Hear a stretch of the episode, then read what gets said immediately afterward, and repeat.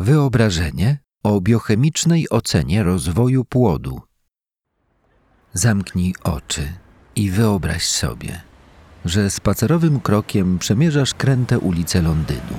Podziwiasz wiktoriańskie kamienice, klimatyczne sklepiki i zatłoczone kawiarnie, gdy z turystycznego amoku wyrywa cię głos gazeciarza.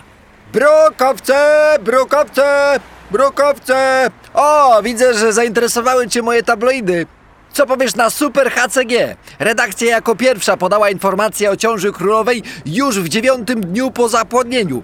Nie chcę wiedzieć, jak uzyskali tego newsa, ale było warto, bo ludzie wręcz oszaleli na ich punkcie. Drukarnia co dwa dni podwajała nakład aż do 12 tygodnia królewskiej ciąży, kiedy pałeczkę przejęły konkurencyjne redakcje. To co, numer Super HCG dla Ciebie?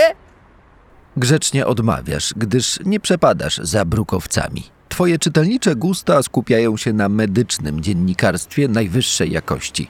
Dopytujesz o pozycje lepiej wpisujące się w Twoje oczekiwania wobec prasy. Dobrze, dobrze, poszukajmy. Może, o, ten. Gazeciarz podaje ci kolorowy magazyn, na którego okładce znajduje się kobieta karmiąca piersią dziecko. Idyliczny obrazek zaburza tylko leżące u jej stóp zakrwawione łożysko. Haha, wiedziałem! The Lactogen Times jako pierwszy opisał rewolucję laktacyjną. Porusza też temat wzrostu i dobrostanu łożyska królowej. A, coś pięknego. Słuchaj, powiem ci, ale w zaufaniu, że jego wydawca, Syncytio Trophoblast Company, będzie zwiększał nakład przez prawie cały czas trwania ciąży.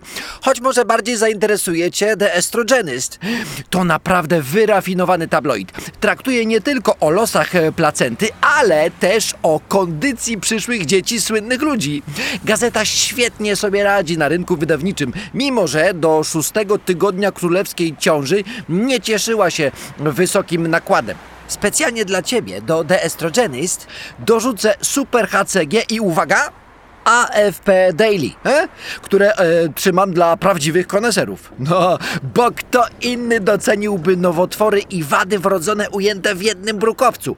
To co? Skusiłem cię swoją potrójną ofertą? Kręcisz z niedowierzaniem głową, zastanawiając się, ile jeszcze gazet, których nazwy łudząco przypominają ci hormony wydzielane w organizmie ciężarnej, będzie próbował ci wcisnąć gazeciarz. Tylko czekasz, aż wyciągnie z zapazuchy sprośny The Progesterone opisujący losy ciałka żółtego. Komedia. Nie chcąc tracić więcej czasu, odwracasz się i już masz ruszyć w miasto, gdy gazeciarz po raz ostatni próbuje swoich sił.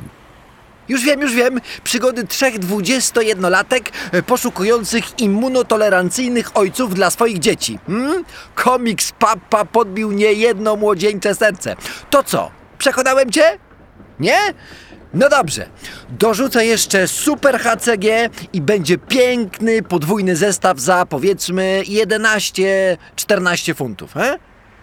Również ta oferta nie brzmi zachęcająco. Nie chcesz sprawiać sprzedawcy przykrości, więc pytasz o ostatnią gazetę, którą ma za sobą.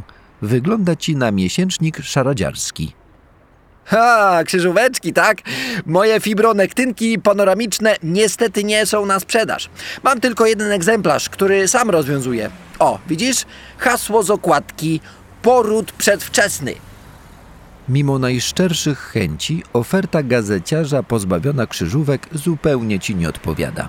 Dziękujesz mężczyźnie za poświęcony czas i powolnym krokiem oddalasz się od sprzedawcy. Co za sknera! Po co się tak produkowałem? Brokowce, brokowce, brokowce, brokowce! Utrzymaj na długo to wyobrażenie.